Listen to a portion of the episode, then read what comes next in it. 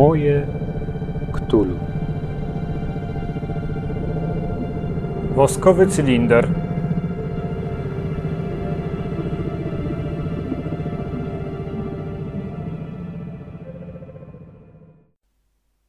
Cześć, jestem Kacper i witam Was w podcaście Moje Ktulu.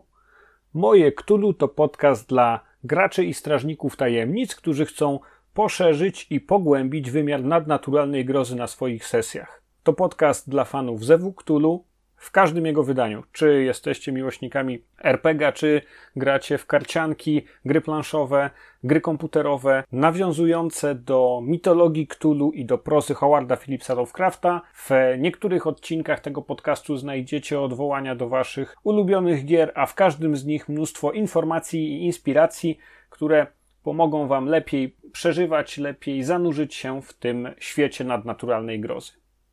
Dzisiejszy odcinek nosi nieco zagadkowy tytuł Woskowy cylinder.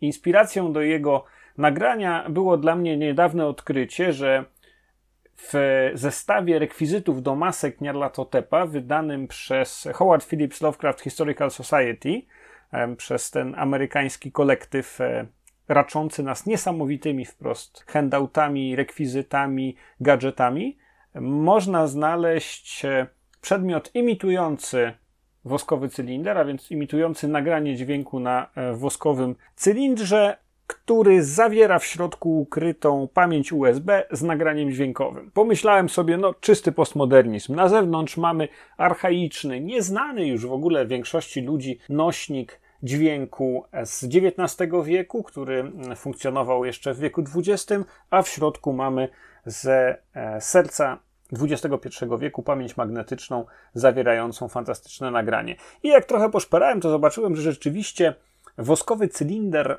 powrócił do nas i e, w różnych wydaniach, w różnych postaciach wciąż jest takim trochę fetyszem, trochę obiektem zainteresowań. No a że pojawia się w szepczącym w ciemności, to nic dziwnego, że budzi zainteresowanie zarówno od strony technicznej, jak i od strony fabularnej fanów Zewu Cthulhu. To mnie do nagrania tego odcinka zainspirowało, to znaczy jak rejestrujemy dźwięk, w jaki sposób technika pozwala nam na zapisywanie, przesyłanie, przesyłanie na odległość, e, utrwalanie dźwięku. Wydaje mi się, że e, warto zwrócić na ten moment w dziejach ludzkości, gdzieś pomiędzy połową XIX a połową XX wieku, kiedy ten szybki skok technologiczny i rozwój na przykład e, technik i technologii telekomunikacyjnych sprawił, że również na płaszczyźnie mitów Cthulhu coś się zmienia, coś się nowego dzieje. Do tej pory wiedza, czary, e, różnego rodzaju podania, opowieści o mitach Cthulhu w świecie tych opowiadań, czy mówimy o starożytności, czy średniowieczu, renesansie, późniejszych epokach, jest przekazywana albo albo drogą ustną, albo e, pisemnie, rękopisy, jakieś notatniki, pamiętniki, e, notesy szalonych czarnoksiężników. Potem z wynalezieniem druku być może trochę się e, jej dyfuzja mm, zwiększa, trochę, trochę przyspiesza, ale tak naprawdę do momentu, w którym udało się przesyłać dźwięk na odległość i, i rejestrować dźwięk również na woskowych cylindrach, później na płycie gramofonowej, i na kolejnych nośnikach już magnetycznych, na, na drucie magnetycznym, na taśmie magnetycznej. No do tego momentu to możliwości zachowywania, e, przenoszenia, przetwarzania głosu są bardzo ograniczone. Kiedy grałem wiele, wiele lat temu w grę Call of Cthulhu Prisoner of Ice, to tam w jednej z pierwszych scen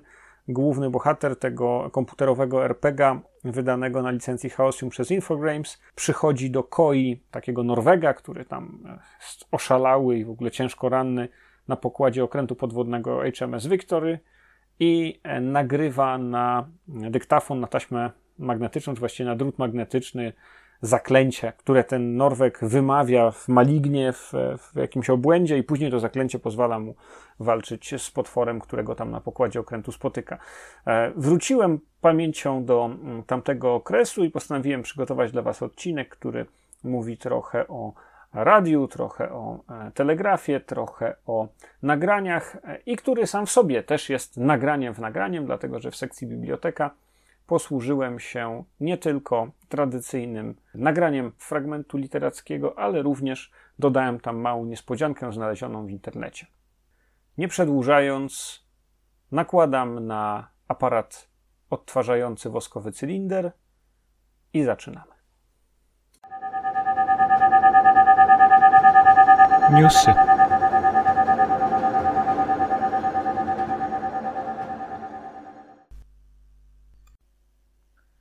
Tym wydaniu wypada mi zacząć od bardzo smutnej wiadomości. 12 października odszedł od nas Greg Stafford, wieloletni prezes, założyciel wydawnictwa Chaosium. Można powiedzieć, że człowiek, dzięki któremu system Zewktulu w swoich początkach w latach 80. powstał i także do samego końca, do swoich ostatnich dni, członek obecnego zespołu Chaosium, do którego powrócił w 2015 roku w czasie tego największego chyba w historii tego wydawnictwa kryzysu związanego z nieudanymi, opóźniającymi się przygotowaniami siódmego wydania, a więc aktualnej edycji. Greg Stafford nie był jednym z twórców Zewuktulu, nie był autorem podręcznika głównego ani dodatków, natomiast e, sam zapisał się jako twórca RPGów złotymi zgłoskami, dając nam świat Gloranty, a więc setting, w którym rozgrywają się przygody w systemie RuneQuest. Setting ten, mocno nasycony religioznawczą i mitologiczną wiedzą młodego Grega Stafforda, powstał jako rozwinięcie gier planszowych, które tworzył w okresie uniwersyteckim. I kiedy jako 27-latek zakładał Chaosium, to miał to już wszystko dobrze ułożone w głowie. Potrzebował wydawnictwa, które będzie publikować zarówno gry planszowe, jak i gry fabularne, i w ten sposób narodził się RuneQuest. E, a w latach 80. 83 roku to wydawnictwo właśnie Chaosium, jedno z najsilniejszych wydawnictw, jedna z najpotężniejszych marek świata RPGowego, dało nam Zewktulu, grę, która fascynuje i która nas inspiruje już od, od tylu dziesięcioleci. Greg Stafford odszedł nagle i niespodziewanie w wieku 70 lat 12 października. Cześć jego pamięci. Tymczasem w naszych polskich stronach mamy nowe wiadomości ze strony wydawnictwa Black Monk, które informują nas, już zaczynają przesączać do wiadomości publicznej informacje na temat zbiórki na polskie wydanie siódmej edycji Zewuktulu. Zbiórki, która zacznie się na portalu Wspieram to 31 października bieżącego roku. Na grupie Zewktulu RPG Badacze Tajemnic Black Monkowie upublicznili jeden z możliwych zestawów, które będzie można wybrać, nie zdradzając na razie, jaka jest jego cena, jaki jest minimalny poziom wsparcia finansowego w tej kampanii, żeby ten zestaw uzyskać, ale myślę, że nie przypadkiem akurat ten komplet, ten poziom został ujawniony. On się nazywa Zestaw Strażnika i zawiera w zasadzie wszystko to, co najpotrzebniejsze do tego, żeby zacząć przygody w e, światach Lovecraftowskich, e, ale też no, nie jest to wcale zestaw ubogi. W jego skład wchodzi bowiem Księga Strażnika Tajemnic, e, starterek, który już znamy, który krąży po Polsce od dobrych paru miesięcy. Mamy tutaj również zasobnik Strażnika Tajemnic, na który składają się ekran Strażnika, dwie wspaniałe przygody, Zatoka Blackwater i Niewyrównane Rachunki, Mówię wspaniałe, dlatego że prowadziłem je, jestem ich wielkim fanem. Uważam, że są świetnym wprowadzeniem w świat Cthulhu. Są po prostu też bardzo dobre przygody. Mamy też w tym zasobniku strażnika trzy mapy w formacie A2. Jedna to jest mapa Arkham, druga to mapa tych rejonów Nowej Anglii, w których rozgrywają się opowiadania Lovecraftowskie i w których często się grywa. No i do tego oczywiście zestaw kart badaczy do różnych epok.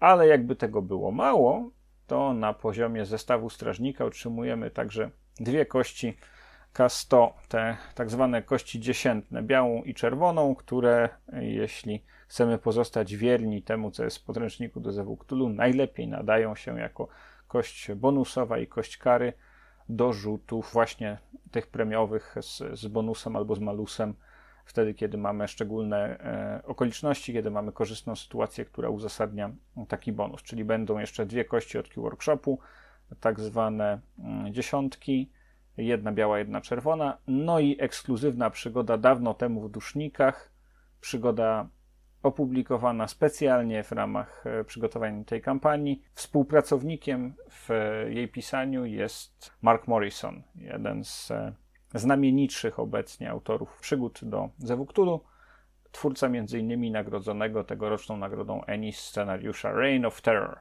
który narodził się jako rozwinięcie wątków Horrorze w Orient Expressie, ale jest to bardzo ciekawa publikacja, na pewno zasługująca na uwagę. Także jak widzicie, mm, już e, Black Monkowie przesączając te informacje rozbudzają w nas apetyt.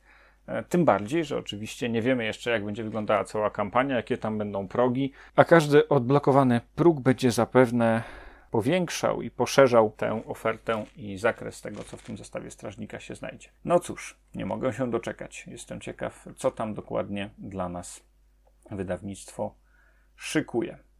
To nie wszystko, jeśli chodzi o newsy. W zeszłym tygodniu zapowiadałem Wam, że powiem nieco więcej na temat e, gry, na którą teraz trwa zbiórka na Kickstarterze i zostały jeszcze mm, ponad dwa tygodnie do tej zbiórki zakończenia, czyli Cthulhu The Horror in Dunwich. Jest to gra karciana, gra kooperacyjna, zainspirowana oczywiście sukcesem wszelkiego rodzaju już teraz nielicencjonowanych, bo tam prawa do wszystkich tych e, dzieł Lovecraftowskich e, powygasały, więc teraz każdy może mm, sobie Cthulhu, Nyarlathotep, Tepioxotot może używać tych nazw bez żadnych ograniczeń. E, co ma swoje dobre i złe strony. Dobre oczywiście dlatego, że stymuluje kreatywność i pozwala nam na odkrywanie coraz to nowych, nielicencjonowanych przez Chaosium prac, dzieł, mm, gier czy różnych gadżetów. Z drugiej strony, no, w jakimś sensie dewaluuje też tę markę, jeżeli te produkty nie będą spełniały w pełni naszych oczekiwań, jeżeli one nie dorosną do tego, czego byśmy oczekiwali po produkcie z napisem Cthulhu na okładce. Cthulhu The Horror in Dunwich to jest właśnie kooperacyjna gra karciana. Bardzo mi się podoba akurat w tej zbiórce szata graficzna. Muszę powiedzieć, że tutaj nie zgłębiłem, kto jest głównym grafikiem, ale muszę powiedzieć, że mnie skusiła właśnie ta stylistyka prac, e, troszkę nawiązująca do starych komiksów, na pewno bardzo mroczna, na pewno ciekawa i dobrze korespondująca z tematyką Lovecraftowską, zwłaszcza w grze, która ma być w pewnym sensie rozwinięciem wątków z opowiadania Zgroza w Dunwich. To nam obiecują autorzy tej gry, to nam obiecuje ekipa, która prowadzi zbiórkę, czyli Wyvern Gaming, wydawnictwo Wyvern Gaming, i tam już 50 dolarów trzeba wyłożyć, żeby dostać tę talię, żeby e, położyć łapę na tym zestawie. Pudełko zawiera wszystko, co jest do gry potrzebne, włączając to jakieś gadżety typu tam trackery zdrowia, różnego rodzaju karty i e, nawet e, kostkę i oczywiście zasady. Także to jest całkiem ciekawa zbiórka. Ona już jest w momencie, w którym to nagrywam, ufundowana, bo zebrano 32 tysiące dolarów, ale to jeszcze nie koniec, bo do mm, dnia zakończenia zostało jeszcze 17 dób i w tym czasie na pewno znajdą się kolejni chętni. Drugi projekt z Kickstartera, o którym chciałbym w tym miesiącu wspomnieć, który wydaje mi się naprawdę interesujący e, i który już e, naprowadza nas na tematy, które w tym podcaście za jakiś czas się pojawią. Sądzę, że e, nastąpi to pewnie jakoś w nowym roku, w pierwszym kwartale 2019 roku. To jest zbiórka Sandy Peterson's Cthulhu Mythos for 5th Edition. Fifth Edition, jak ktoś słyszy z RPGowego świadka, to wiadomo o co chodzi. Chodzi oczywiście o Dungeons and Dragons, chodzi o dedeki, dedeki, które się po polsku ukazują w przyszłym roku e, nakładem wydawnictwa Rebel, ale które już od paru lat podbijają światowy rynek i Wizardzi tutaj zacierają po prostu ręce z zadowolenia, jak to świetnie się sprzedaje, jak to się znakomicie przyjęło. Grałem też w piątą edycję mm, Dedeków. Ja nie jestem wielkim fanem tego systemu, jakoś mnie to specjalnie nie pociąga, ale no, nie mogę powiedzieć. Jest to kawał dobrej roboty wydawniczej. No i tak samo zapowiada nam się właśnie ta zbiórka Sandy Peterson's Cthulhu Mythos for 5th Edition. Czyli mamy tutaj jednego z e, twórców Zewu Cthulhu, Sandy Petersena, no można powiedzieć bardzo, bardzo doświadczonego e, twórcę gier, e, autora, który zęby zjadł na wątkach ktulowych, a tutaj swoim własnym nakładem przygotowuje podręcznik e, liczący no, ponad 400 stron w pełni kolorowych, zawierający informacje na temat e, Lovecraftowskiego horroru do wykorzystania właśnie w Dungeons and Dragons.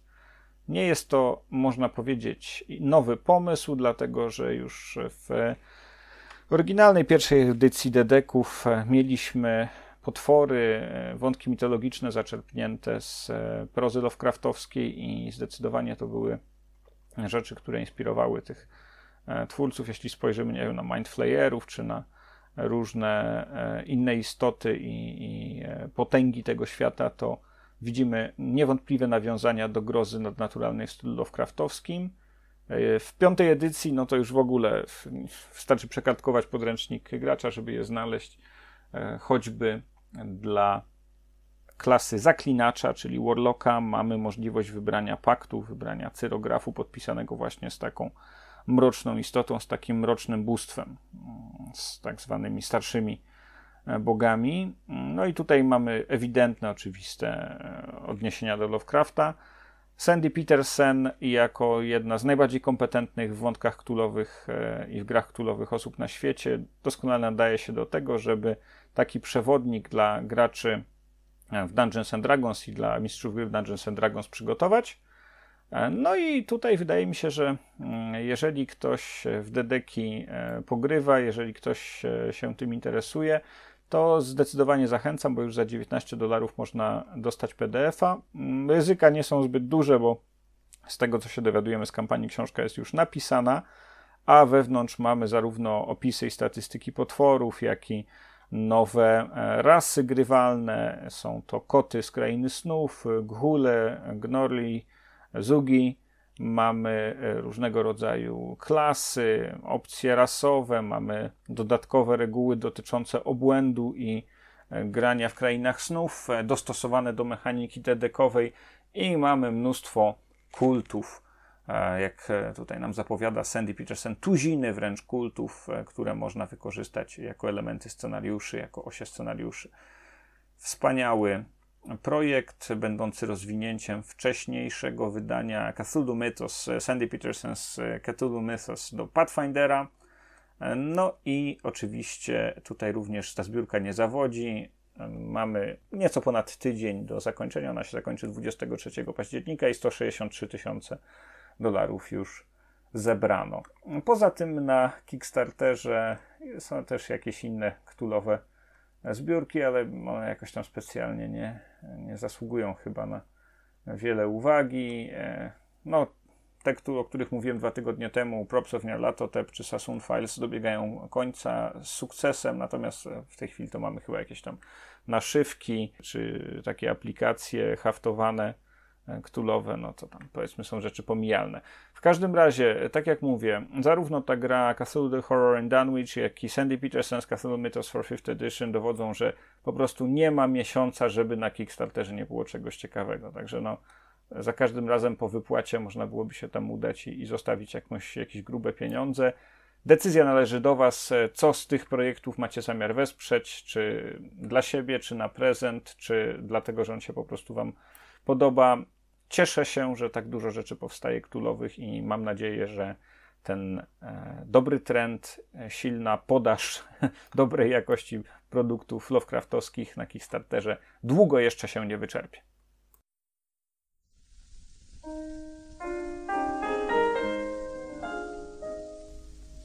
Ktulu w Polsce.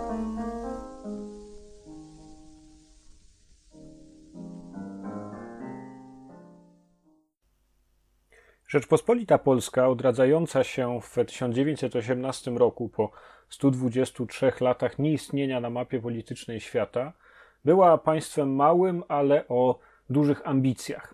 I ten wątek mocarstwowości, bycia liderem, e, bycia samowystarczalnym, państwem na miarę swoich własnych ambicji, swoich własnych wyobrażeń, bez kompleksów, z wielkim zamiarem i z wielką strategią, przyświecał editom tworzącym dwudziestolecie przez cały okres aż do 1939 roku. Czy rzeczywiście te ambicje były trafione? Czy zamiary, plany, przedsięwzięcia były zbieżne z rzeczywistymi potrzebami strategicznymi tego odradzającego się państwa? Czy były realizowane w odpowiednio konsekwentny i profesjonalny sposób? Wiele tutaj można byłoby powiedzieć i na pewno można się spierać odnośnie tego, czy rzeczywiście wszystkie przedsięwzięcia, e, takie jak Centralny Okręg Przemysłowy, takie jak budowa portu w Gdyni, takie jak różnego rodzaju reformy prowadzone w dwudziestoleciu, możemy oceniać w sposób bezkrytycznie pozytywny. Niektóre z nich są rzeczywiście ogromnymi osiągnięciami, inne z nich e, no, budzą, czy swoim zamiarem albo brakiem realizmu, żal, że w ten sposób środki były e, zagospodarowywane, ale jest też wśród tych projektów wiele takich, które e, po prostu, czy przez przejęcie przez określoną opcję polityczną, mam tutaj zwłaszcza na myśli rządy mm, po przewrocie majowym, te rządy sanacyjne, które chętnie obsadzały nie zawsze kompetentnymi osobami ważne stanowiska, albo E, liczne projekty, w których e, być może nie chcemy do nich wracać, które być może nas nieco zawstydzają dzisiaj, jak realne plany polskiej dyplomacji owego czasu, aby dokonać e, przesiedlenia polskich Żydów na Madagaskar, które były przedmiotem ustaleń dyplomatycznych wręcz z Francją czy, czy, czy Anglikami. Wszystko to składa się na taką bardzo ciekawą i kolorową mozaikę dwudziestolecia, która może nas inspirować w wielu miejscach, żeby stawiać sobie ambitne cele, w innych może być ostrzeżeniem przed tym, jak nieodpowiednie pokierowanie sprawami publicznymi albo nieodpowiednie e, nadanie biegu naszym celom, e, ich realizacji może skończyć się niezbyt dobrze. A no, historia tego dwudziestoletniego państwa skończyła się tragicznie w wrześniu 1939 roku, w momencie kampanii wrześniowej i upadku państwa, e, emigracji rządu i okupacji terytorium przez e, Niemcy i Związek Radziecki.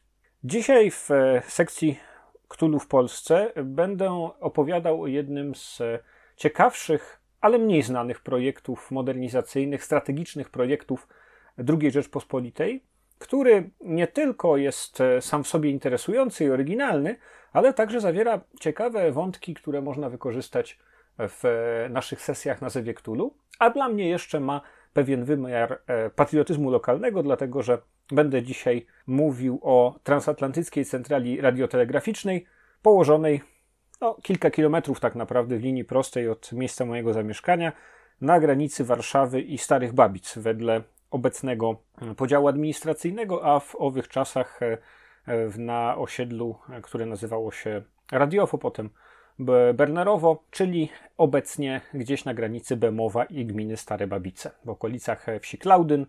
To jest ten rejon, e, który jest mi bliski. Przejeżdżam tamtędy prawie codziennie jeżdżąc do pracy, więc postanowiłem, że transatlantyckiej centrali radiotelegraficznej poświęcę jedną z audycji. Co to było i, i o co właściwie chodzi?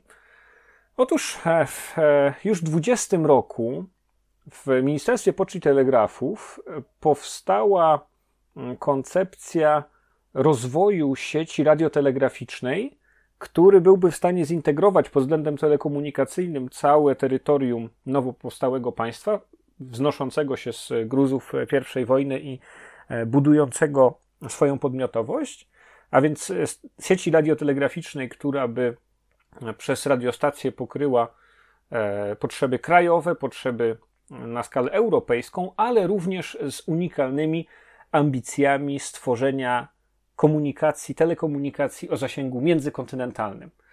Jak to wyglądało w owych czasach? Były dwa środki porozumiewania się pomiędzy kontynentami. To znaczy, mówię oczywiście o telekomunikacji, nie o poczcie czy, czy wożeniu listów samolotami lub statkami, tylko o telekomunikacji w czasie rzeczywistym. Jedną z nich były radiostacje długiego zasięgu, które nadawały na falach e, długich, bardzo długich, które pozwalały na propagację sygnału rzeczywiście na setki, tysiące kilometrów, a drugą z nich były kable podwodne, które już wtedy e, funkcjonowały bardzo dobrze, były położone, ale one były oczywiście własnością czy prywatną, czy państwową tych e, instytucji czy państw, które zaczęły je kłaść już wiele, wiele lat, dekady wręcz wcześniej.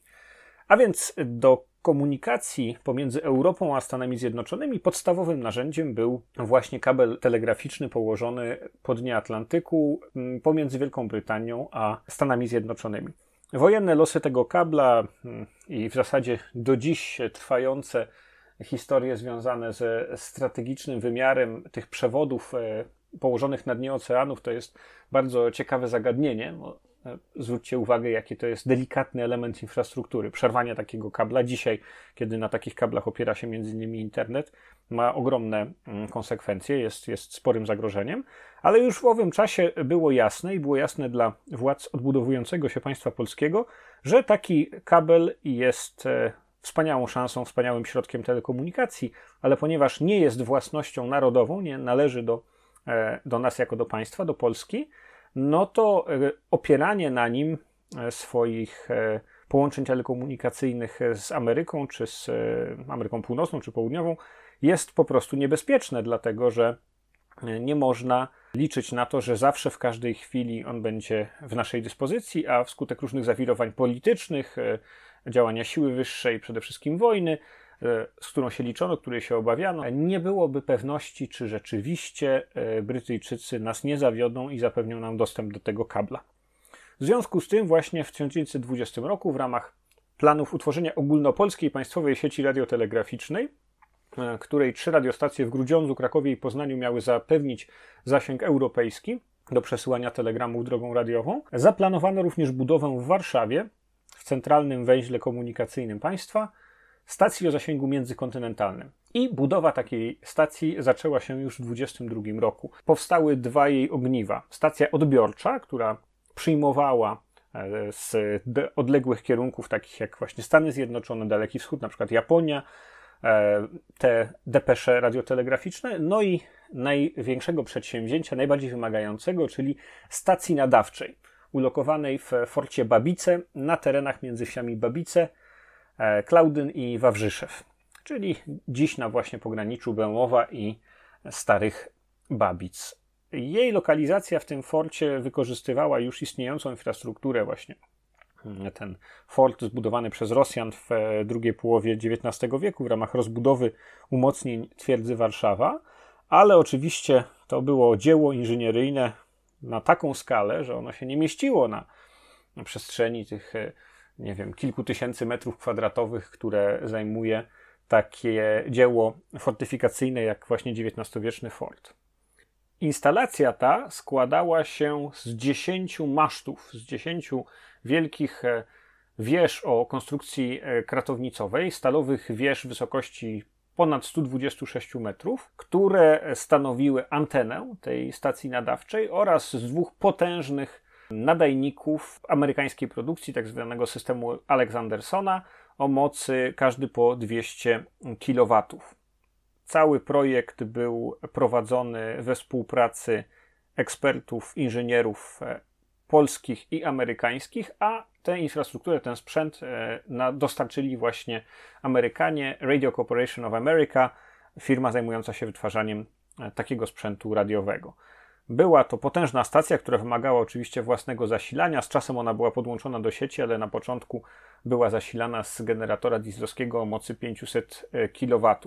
I właśnie te anteny rozwieszone na masztach rozwieszone na tych stalowych wieżach, nadające na częstotliwości 16,4 kHz oraz 14,29 kHz, były podstawą systemu telekomunikacji międzykontynentalnej dla Polski.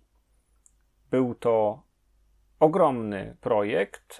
Ta instalacja, te 10 wież i wszystkie budynki obsługujące je, E, budynki e, generatora, budynki e, nadajników, wszystkie elementy obsługowe zajmowały pas o długości 4 km, szeroki na, na ponad kilometr, czyli była to, no, możecie sobie wyobrazić, naprawdę bardzo duża budowla. I ten teren był oczywiście chroniony przez różnego rodzaju strażnice, budki, ponieważ od samego początku miał absolutnie strategiczne znaczenie dla bezpieczeństwa państwa. W momencie inauguracji tej instalacji, w momencie inauguracji transatlantyckiej centrali radionadawczej, no można powiedzieć, że Polska uzyskała w cudzysłowie niepodległość w sferze telekomunikacji. Dlaczego to jest ważne? Dlatego, że e, tego typu instalacje o, o takiej mocy można było policzyć w owym czasie na palcach jednej ręki na całym świecie. To znaczy przede wszystkim system prywatnych E, czy państwowych kabli e, podmorskich i e, radiostacje o mniejszej mocy, przekazujące sobie na zasadzie sztafety te komunikaty radiotelegraficzne, no to one były podstawą wówczas telekomunikacji na skalę globalną i bardzo niewiele państw, akurat Norwegia miała też takie ambicje i je zrealizowała, żeby mieć stację nadawczą tej klasy, która pozwalała im w sposób niezależny nadawać telegramy, nadawać depesze praktycznie do każdego liczącego się wówczas zakątka świata. Ta radiostacja, wybudowana właśnie na przestrzeni mm, blisko dwóch lat, została uruchomiona 1 października 1923 roku, a w listopadzie po święcie niepodległości, właśnie niedługo będziemy świętować kolejną rocznicę istnienia i funkcjonowania e, tej transatlantyckiej centrali radionadawczej. 17 listopada miało miejsce uroczyste jej otwarcie. Jak się zapewne domyślacie, tego typu unikatowa konstrukcja jakoś w międzyczasie gdzieś zniknęła. Jakoś e, nie przetrwała do naszych czasów. E, zapewne jesteście w stanie wyobrazić sobie, że powodem tego była e, druga wojna, wybuch II wojny i kampania wrześniowa, w której ten obiekt był strategicznie ważnym, bardzo cennym celem dla Niemców, którzy zbliżali się do Warszawy.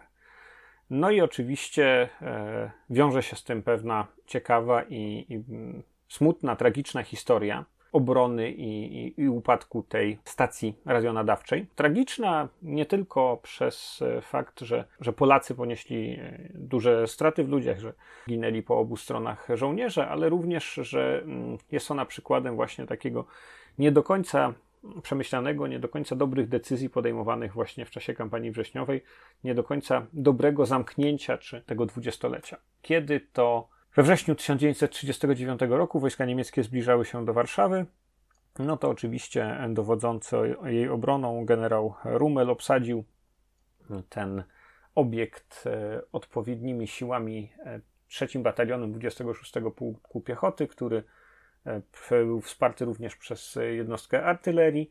I jego zadaniem była właśnie obrona tej transatlantyckiej centrali radionadawczej, której nadawanie zostało zawieszone w pierwszych dniach wojny, no ale oczywiście ze względów technicznych, jako taka unikatowa instalacja o potężnej mocy, miała ona bardzo duże znaczenie. I od drugiego tygodnia września aż do 27 września trwały z przerwami w, w, w, ze zmiennym nasileniem walki o właśnie radiostację radiową, które skończyły się e, oczywiście niestety zwycięstwem Niemców i zajęciem tego strategicznego punktu. Była to bardzo zażarta walka. E, na końcowym etapie tak naprawdę już walka E, można powiedzieć, o każdy budynek, e, którego bohatersko bronili żołnierze Wojska Polskiego. Zabrała ona ogromne straty, liczone w setkach mm, poległych. Nie poddali się prawie do końca. Dopiero w obliczu już zupełnej beznadziei i w zasadzie tak naprawdę upadającej Warszawy, zbliżającej się kapitulacji, ta stacja radiowa została poddana. Natomiast to, co jest znamienne, to że dowództwo naczelne wydało dowodzącemu armii e, Warszawa, e, czyli generałowi Juliuszowi Rumelowi, e, rozkaz zniszczenia tej radiostacji, aby nie dostała się w ręce nieprzyjaciela, którego to on rozkazu nie wykonał, nie zrealizował. Zresztą nawet nawiązuje do tego w swoich pamiętnikach wydanych po wojnie. Juliusz Rumel E, nie przekazał dalej, nie wydał tego rozkazu, żeby zaminować i wysadzić e, tę e, centralę radionadawczą w, na radiowie, skutkiem czego ona dostała się prawie nieuszkodzona, w zasadzie tylko tam ostrzelana w niektórych miejscach z niedużymi uszkodzeniami w ręce nieprzyjaciela. I dla Niemców była to wspaniała rzecz, była to wspaniała instalacja, E, wielkie trofeum, e, nie w wymiarze prestiżowym, ale w wymiarze czysto technicznym.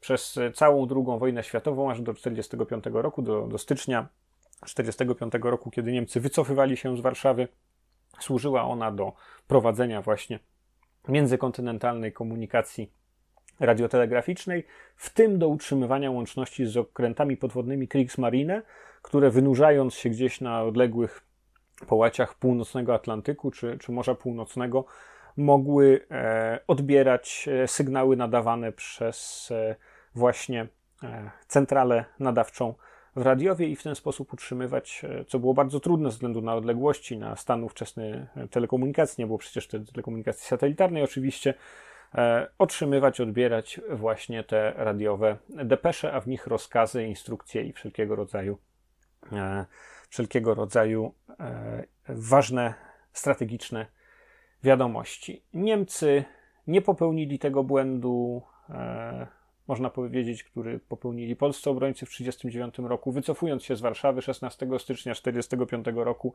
wysadzili maszty tej stacji, zarówno e, stacji e, w Radiowie, tej nadawczej, jak i stacji odbiorczej w mm, Grodzisku Mazowieckim i e, w ten sposób tę unikalną, wyjątkową, składającą się z 10 masztów instalację, a także całą infrastrukturę E, elektryczną e, do niej należącą obrócili w perzynę, aby nie dostała się w ręce Rosjan. I w ten sposób zakończyła się historia transatlantyckiej centrali radiotelegraficznej, od której bierze swoją nazwę ta okolica, ten rejon Warszawy zwany radiowym, ten, ten, ta część dzielnicy bemowo zwana radiowym. I dzisiaj możemy w tych lasach bemowskich, które zarosły ten rejon, znaleźć jedynie fragmenty fundamentów wież radiowych, budki strażnicze, ruiny i fragmenty zabudowań, które on gdzieś tam stały, a w niektórych punktach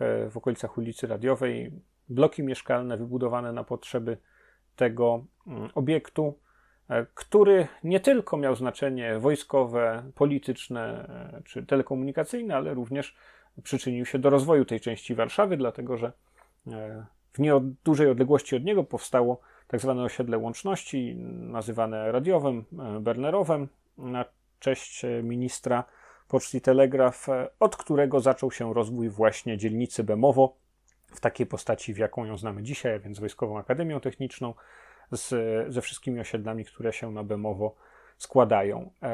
Jest to historia mało znana, coraz więcej osób e, tę sprawę kojarzy, a to przede wszystkim za sprawą wkładu lokalnych dziennikarzy, którzy mm, od już blisko 20 lat odkrywają na nowo tę historię, żeby zapoznać z nią e, warszawian i mieszkańców okolic Warszawy, że tutaj była taka unikatowa, taka wyjątkowa instalacja, taki wyjątkowy system e, na skalę światową, e, a także dzięki działalności Stowarzyszenia Park Kulturowy Transatlantycka Radiotelegraficzna Centrala Nadawcza, które zabiega o to, żeby w ogóle na tym terenie urządzić jakiegoś rodzaju ekspozycję i nawet ma na tym polu pewne osiągnięcia, czy jeśli chodzi o wydanie ciekawej książki poświęconej e, temu zabytkowi, czy jeśli chodzi o współpracę z różnymi innymi podmiotami. Oczywiście na blogu umieszczam link do strony tego stowarzyszenia. Jest tam mnóstwo ciekawych informacji. Udało im się między innymi doprowadzić we współpracy z deweloperem, który stawiał tam niedaleko ostatnio bloki, do nawet upamiętnienia e, radiotelegraficznej centrali nadawczej specjalnym niedużym pomnikiem w rejonie ulicy Urbanowicza, dawnej Kaliskiego. Tyle jeśli chodzi o historię. Teraz e, zadajmy sobie pytanie, w jaki sposób możemy wykorzystać transatlantycką centralę radiotelegraficzną na naszych sesjach w Zewie. Widzicie, że mm, mamy tutaj no, wspaniałą wprost korespondencję czasową. E, czas powstania tej stacji i jej istnienia wpisuje się właśnie w klasyczną erę Lovecraftowską, czyli mamy tutaj okres od 1920 do 1939 roku. Wydaje mi się, że są co najmniej dwa ciekawe wątki, które można byłoby wykorzystać w tym okresie i jeden na czas wojenny, zanim ta radiostacja była zlikwidowana.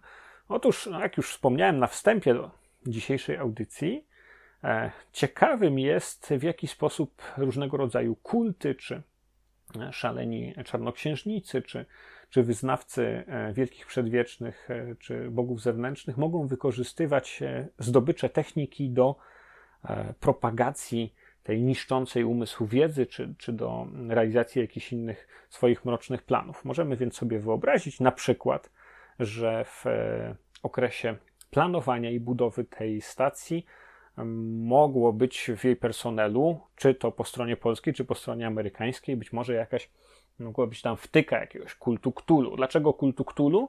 No przede wszystkim dlatego, że Ktulu jako ten, który nas wzywa w swoich snach, który właśnie ten mm, swój zew wydaje, przemawiając do swoich wyznawców i do, do niewinnych ofiar w koszmarnych snach, e, może być zainteresowany, jego kulty mogą być zainteresowane tym, żeby wraz z rozwojem techniki radiowej i telekomunikacyjnej uzyskiwać tę pełną łączność, co pozwala między innymi na e, sprawne, niemagiczne przekazywanie wiadomości pomiędzy na przykład tak zwanymi nieśmiertelnymi, a więc tą elitą kultu Cthulhu, która kryje się w Himalajach Tybetu, a każdym dowolnym punktem na Ziemi. To znaczy, na przykład z Indii albo z Chin komunikacja drogą radiową z tą centralą nadawczą i odbiorczą w Polsce i stąd już przesyłanie informacji na cały świat. Być może nie tylko informacji, ale e, nawet no, mamy tutaj do czynienia z telegrafem, a nie z transmisją dźwięku, e, nie z transmisją głosu, ale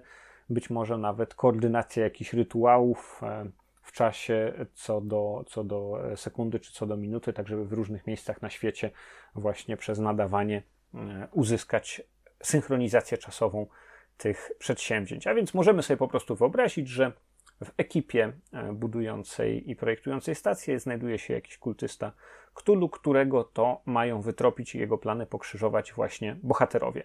Ze względu na to, że jest to kooperacja amerykańsko-polska, to możemy wyobrazić sobie zarówno badaczy tajemnic z kampanii, w którą e, obecnie gracie, czy którą planujecie, którzy przybywają ze Stanów do Polski, żeby mm, przeprowadzić to śledztwo. Może tam miało miejsce jakieś morderstwo, może jakaś kradzież, może jakiś e, inny występek, który prowokuje śledztwo, na przykład prywatnych detektywów przysłanych z Ameryki. I tak samo badacze tajemnic, ich lustrzane odbicia mm, pochodzące z Polski, Polacy, mogą również tutaj świetnie w tej roli zafunkcjonować.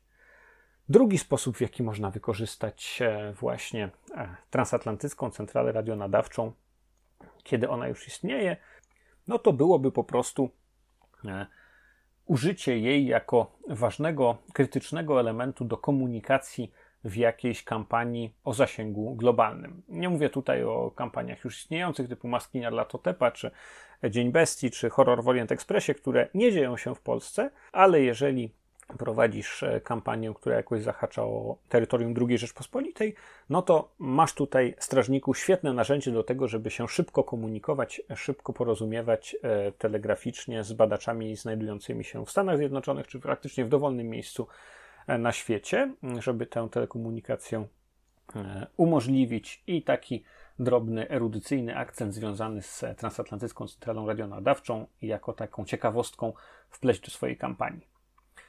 A jeśli interesuje Was wykorzystanie tego miejsca, tego systemu w e, Achtung Cthulhu albo po prostu na Waszych sesjach ZW Cthulhu dziejących się w e, okresie II wojny światowej, to mam dla Was również pewien smakowity pomysł. Wiemy, że ten system był wykorzystywany do komunikacji z okrętami podwodnymi Kriegsmarine, z e, ubotami operującymi w różnych zakątkach Atlantyku, Morza Śródziemnego, w innych miejscach świata, jeżeli tam się zapuszczały. Jeżeli uwierzymy na przykład w to, że gdzieś tam, nie wiem, na Antarktydę pływali. A jeżeli już mówimy o okrętach podwodnych, no to co się nasuwa? Naturalnie nasuwają nam się istoty z głębin, kulty Dagona, kulty Hydry. Również jest, pozostajemy w świecie e, kultów Ktulu, ale być może nie w ludzkich formach, ale właśnie w formach istot z głębin. Więc być może radiotelegraficzna stacja nadawcza w Babicach, e, stacja, stacja radiowo, e, może służyć do tego, żeby komunikować się w jakiś sposób z e, istotami z głębin, z ich koloniami, czy u wybrzeży Nowej Anglii, czy na Morzu Śródziemnym, czy w różnych innych miejscach Europy i świata i może służyć do tego, żeby czy koordynować jakieś ich działania, czy po prostu, żeby tam podawać jakąś, jakąś ważną wiedzę. E, jeśli to samo w sobie jeszcze nie jest wystarczająco atrakcyjne, no to pomyślcie o tym, czy być może można byłoby przez odpowiednią modulację tego sygnału doprowadzić do być może zakłócenia, albo wywołać jakieś e, szkodliwe dla istot z głębin skutki przez nadanie e, sygnału określonej długości.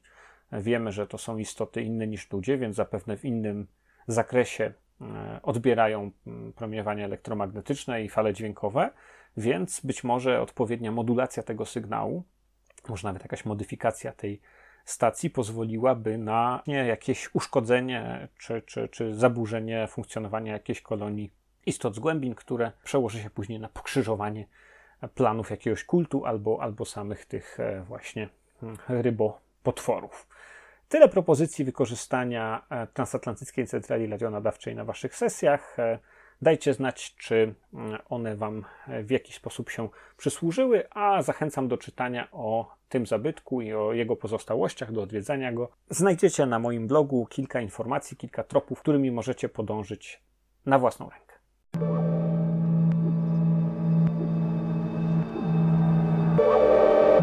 Recenzja. Może o tym wiecie, że przyznana w tym roku cykliczna Diana Jones Award trafiła do dość szerokiego grona miłośników RPGów, którzy raczą nas w mniej lub bardziej profesjonalny sposób nagraniami swoich sesji, czyli do tak zwanego ruchu actual play. Każdy chyba, kto śledzi sprawy RPGowe w internecie, spotkał się z tego typu nagraniami. Są nawet całe podcasty, które zbudowane są na tej właśnie koncepcji, żeby rejestrować swoje sesje i udostępniać je innym do posłuchania jako ciekawostkę do doskonalenia warsztatu e, strażników tajemnic, mistrzów gry, graczy, czy po prostu do e, krotochwili, do pośmiania się. To jest zjawisko, które na przestrzeni ostatnich, no powiedzmy 10 lat e, mocno się rozwinęło. Teraz naprawdę kwitnie i wiele podcastów, wiele takich grup Actual Play funkcjonuje wręcz w stałych relacjach, w kontakcie z wydawcami, którzy zlecają im albo dogadują się z nimi co do rozgrywania scenariuszy w określonych settingach czy w określonych systemach. Mamy też przykłady tego w Polsce. W, na moim blogu znajdziecie kilka linków do takich audycji, do tego typu nagrań. Wymienię chociażby Marka Kozłowskiego z Szczecina, który na kanale Gawędy Imperium RPG prowadzi swoją kampanię szczecińską ale nie jest to jedyny przykład. Jest tych polskojęzycznych mm, parę więcej. No, wszyscy znają chyba, jeśli chodzi o Actual Play, Baniaka z jego kanałem YouTube'owym. Mm, co ja sądzę o Baniaku, jak oceniam jego mm, e, aktywność, jak oceniam jego aktywność, zwłaszcza w obrębie ZW Cthulhu, to jest e, osobny temat. Może kiedyś będzie okazja, żeby o tym pogadać. Natomiast dzisiaj chciałem Wam przedstawić ten podcast, który ja osobiście uważam za najfajniejszy, którego najchętniej słucham, który zawiera audycję Actual Play z Zewu Cthulhu i nazywa się How We Roll. How We Roll jest to podcast, który możecie oczywiście śledzić na dowolnej platformie, na iTunesie. Ja słucham go na Google Podcast. Nagrywa go zespół znajomych z Anglii i Irlandii, a od niedawna również z udziałem e, gości amerykańskich i udostępniają dosyć regularnie, no praktycznie co tydzień, czasami nawet częściej są udostępniane nowe odcinki ich podcastu. Ta grupa Actual Play nagrywa już od ponad 3 lat, zaczęli w 2015 roku i jest to prawdziwy skarbiec nagrań z sesji w Zewie Cthulhu.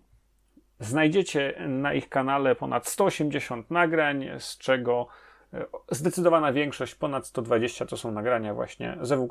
Prowadzą też dedeki, e, kampanię Curse of Stracht.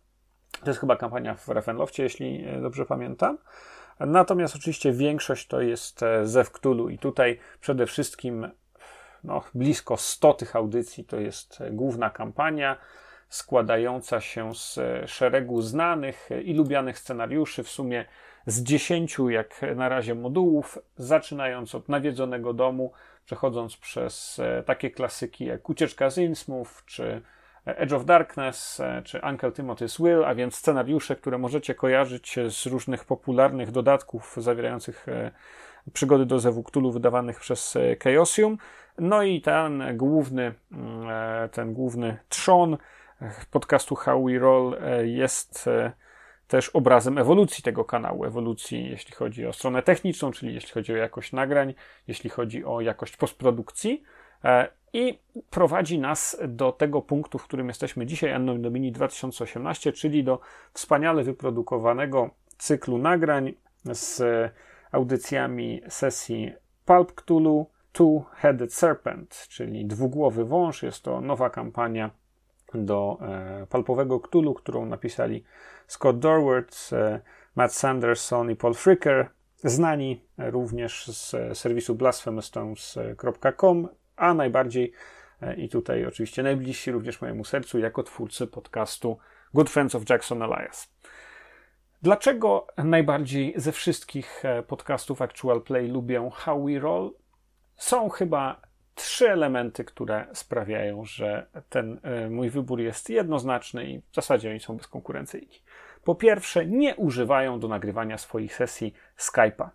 Nie wiem dokładnie, jakich rozwiązań technicznych e, używają, co tam stosują, ale powiem Wam szczerze, że na przykład w porównaniu z podcastem Skype of Cthulhu, e, czy innymi podcast, podcastami Actual Play, tutaj no nie ma tego podstawowego problemu związanego z tą technologią streamingu głosu, że mikrofony włączają się poszczególnym graczom i strażnikowi dopiero w momencie, kiedy oni otwierają usta, kiedy zaczynają coś mówić, co zawsze się kończy tym, że tak zwany nagłos, czyli ta pierwsza, tak to się w fonetyce nazywa, e, pierwsza część e, e, słowa jest zjedzona, że, że te początki są zawsze niewyraźne, co mnie szalenie irytuje, mi to bardzo utrudnia odbiór. Podcast How We Roll jest dość profesjonalnie nagrany i wyprodukowany. Nie mówię tutaj, że oni nagrywają w jakimś studio, bo to jeszcze na pewno nie jest ten etap, ale nawet łącząc się ze swoją graczką ze Stanów, dbają o to, żeby po prostu ten dźwięk był wyrównany, zarówno co do głośności, jak i no, nie było dużych różnic w jakości pomiędzy różnymi graczami. No i żeby ta jakość była w miarę zadowalająca.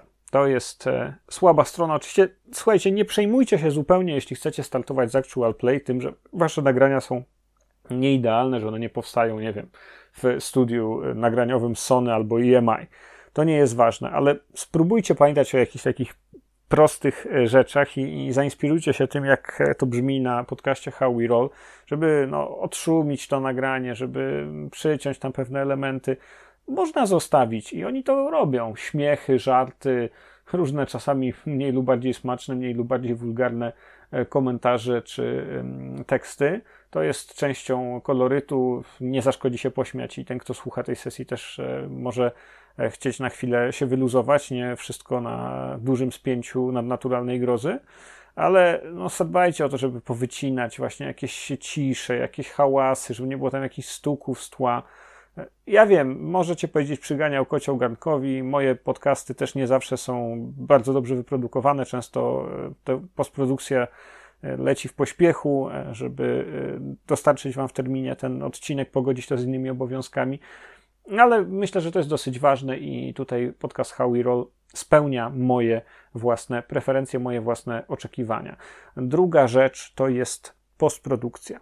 Zwłaszcza w tych nowszych audycjach, no czy teraz jak grają ten Two-Headed Serpent i te audycje się ukazują, efekty dźwiękowe, można powiedzieć, to jest wyższa szkoła jazdy już postprodukcji, ale to słuchajcie, różnica pomiędzy nagraniem na YouTubie e, opublikowanym ze Skype'a z paroma osobami, a tym radiowym teatrem wyobraźni, czyli takimi profesjonalnie wyprodukowanymi słuchowiskami, no to jest pomiędzy jednym a drugim jeszcze całkiem spore spektrum amatorskiego, hobbystycznego, ale takiego solidnego, rzetelnego poziomu produkcji. I How We Roll absolutnie to daje, dlatego bardzo lubię tego słuchać, bo tam jak jest dżungli, to są w tle jakieś odgłosy dżungli, wystrzały, czasami jakieś takie też komiczne efekty dźwiękowe, które wywołują uśmiech i które sprawiają, że no słychać, ktoś nad tym siedzi, to nie jest tak, że tak powiem, nagraliśmy łup do sieci, e, co jest czasem problemem e, streamowanych sesji, e, które, które potem po prostu bez żadnej postprodukcji trafiają do netu. Taki poziom Actual Play zdecydowanie mi odpowiada.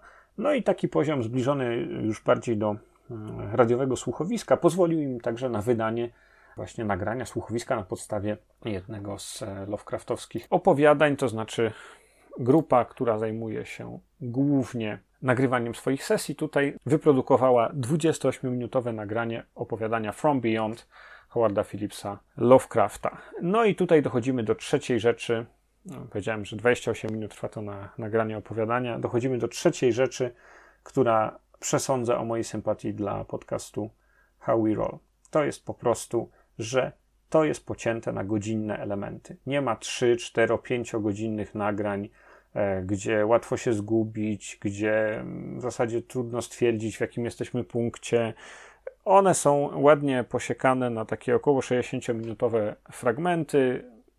Strażnik tajemnic i ten gracz czy strażnik, który produkuje dany odcinek, dba o to, żeby w odpowiednim momencie zwinąć. Każdy odcinek rozpoczyna się od e, streszczenia poprzedniego epizodu.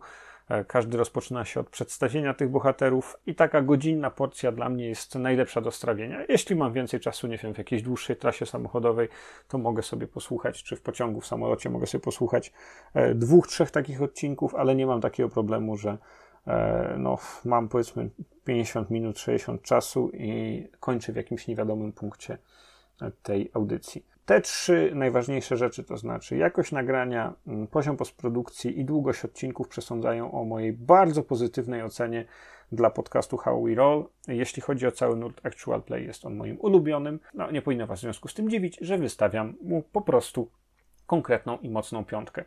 E, dziewczyny, chłopaki, tak trzymać. Życzę Wam jeszcze wielu odcinków. Nie sądzę, żebyście tego słuchali po polsku, ale trzymam za Was kciuki sesji i czekam na kolejną sesję scenariusza The Two-Headed Serpent.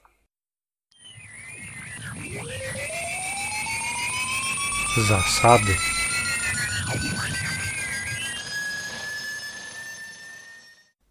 Dzisiaj o zasadach będzie wyjątkowo krótko. Czy zwróciliście kiedyś uwagę, że podręcznik główny do Zewu Cthulhu nie zawiera żadnego konkretnego wskazania, co w zasadzie należy testować, na co trzeba rzucać, kiedy posługujemy się urządzeniami do rejestracji dźwięku albo urządzeniami do radiowej jego transmisji. Powiecie, niezbyt często się to zdarza, ale tak jak już wspominałem wcześniej, czy w literaturze, czyli w szepczącym w ciemności, mamy woskowy cylinder, proces jego nagrywania, proces jego odtwarzania, prawidłowo, tak żeby go nie uszkodzić, tak żeby dobrze zarejestrować dźwięk.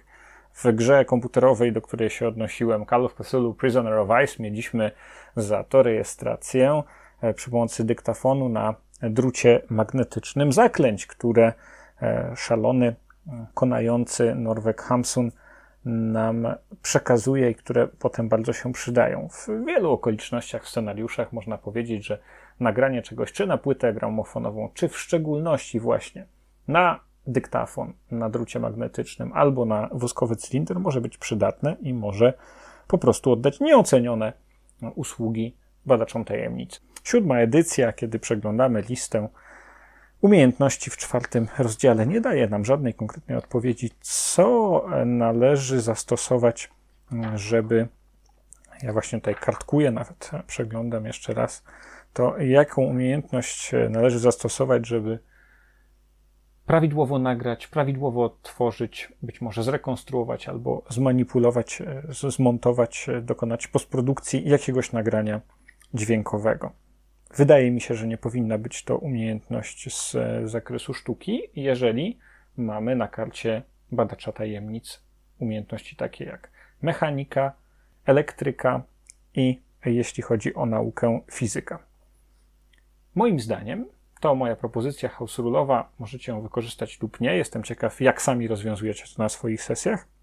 Najlepszym rozwiązaniem byłoby na potrzeby wszelkich testów e, dotyczących rejestracji dźwięku i jego odtwarzania posługiwać się umiejętnością e, mechanika, jeżeli jest to urządzenie mechaniczne, takie jak e, aparat do nagrywania na woskowych cylindrach lub aparat e, do wytwarzania, do nagrywania na płytach gramofonowych, a umiejętnością elektryka, electric repair, jeżeli jest to urządzenie e, magnetyczne, takie jak właśnie dyktafon oparty na drucie magnetycznym. Jeżeli e, jest to czynność związana z odtwarzaniem to nie powinno tutaj być e, żadnego testu, o ile dane urządzenie jest znane badaczom tajemnic, jest, jest popularne, jest typowe. Jeżeli chodzi o nagrywanie prawidłowe, powinien być to test o normalnym poziomie trudności.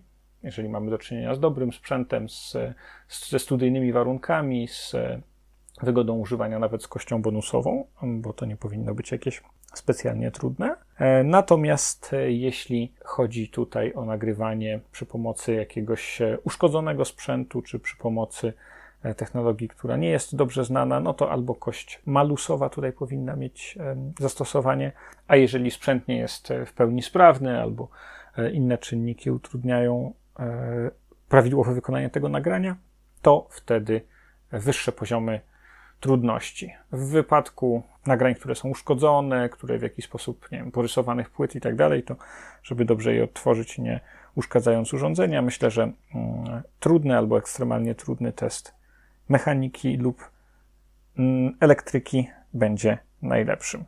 Alternatywnie możecie spróbować wykorzystać e, umiejętność Art and Craft, ale uważam, że ze względu na specjalistyczny charakter tej umiejętności, a powszednią naturę e, takich e, urządzeń do rejestracji dźwięku i odtwarzania, nie jest to najlepsza droga.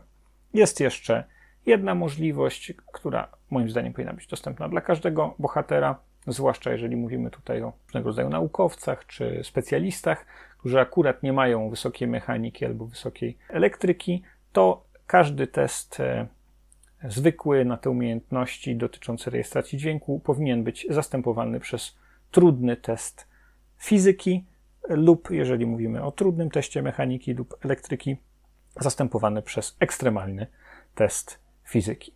To moja autorska koncepcja tego, jak e, mechanicznie ogrywać sprawy związane z nagrywaniem na drucie magnetycznym, na płycie gramofonowej lub na woskowym cylindrze. E, jeśli przyda Wam się na sesjach, to się bardzo ucieszę. Jeżeli jeszcze się z tym nie mierzyliście, to może zachęci Was do tego, żeby wprowadzić wątki związane z rejestracją dźwięku, przechowywaniem czy mm, przekazywaniem tego typu nagrań na Wasze sesje.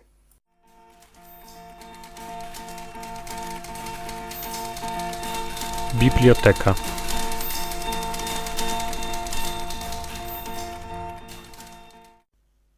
Howard Phillips Lovecraft Szepczący w ciemności Przełożył Maciej Płaza Pożyczyłem fonograf z uczelnianej kancelarii.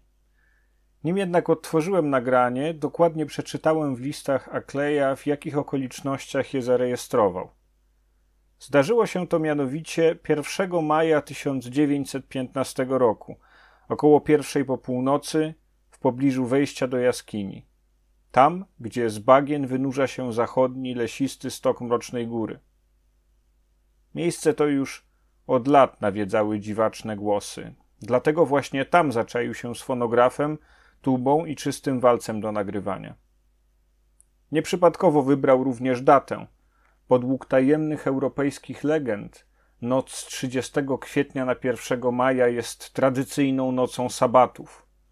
To też Akli uznał, że może wówczas spodziewać się wyjątkowych rezultatów i nie pomylił się. Ale rzecz ciekawa, później już nigdy nic tam nie usłyszał. W przeciwieństwie do większości poszeptywań, jakie można usłyszeć w lasach, treść nagrania brzmiała trochę jak rytualny obrzęd – Jeden z jego uczestników był zaś ewidentnie człowiekiem, aczkolwiek Akli nigdy nie zdołał ustalić jego tożsamości. Na pewno nie był to Brown. Głos brzmiał nazbyt kulturalnie. Wszelako kluczowe znaczenie i tak miał głos drugi. Było to mianowicie owo przeklęte bzyczenie, nie mające w sobie zgoła nic ludzkiego, jakkolwiek przecież wymawiało ludzkie słowa, i to poprawną angielszczyzną, z uczoną intonacją. Fonograf Akleja działał niestety dość kapryśnie. Wielką niedogodnością było też to, że cały rytuał został podsłuchany ze znacznego oddalenia. Głosy były więc przytłumione, a całe nagranie bardzo fragmentaryczne. Akli już wcześniej przysłał mnie jego zapis, to też przygotowując się do odsłuchu, przejrzałem go sobie raz jeszcze. Tekst nie zawierał jawnie przerażających treści biła zeń raczej aura mrocznej tajemniczości. Jakkolwiek, jeśli znało się okoliczności jego powstania, w każdym słowie aż nadto wyraźnie wyczuwało się podskórną grozę.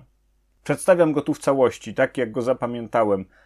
Jestem bowiem najzupełniej pewien, że pamiętam go słowo w słowo, nie tylko z lektury jego zapisu, ale też z nieustannego odsłuchiwania samego nagrania. Nie jest to coś, o czym dałoby się szybko zapomnieć. Bura is the lord of the wood, even to his and the gift of the men of land. So from the wells of the night to the gulf of space, and from the gulf of space to the wells of night, ever the praises of great Guru of the Safagua, and of him who is not to be named. Ever the praises and abundance to the black goat of the woods, Yah Shubni Gurat, the goat with a thousand young.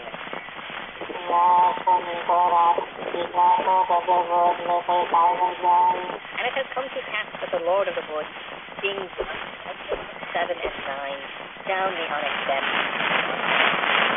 The hymns in the ghost, as a thought, he of whom thou hast taught and marvelled, and on the wings of the night out beyond space, out beyond to that whereof the Yuggoth is the youngest child, rolling alone in black ether of wind.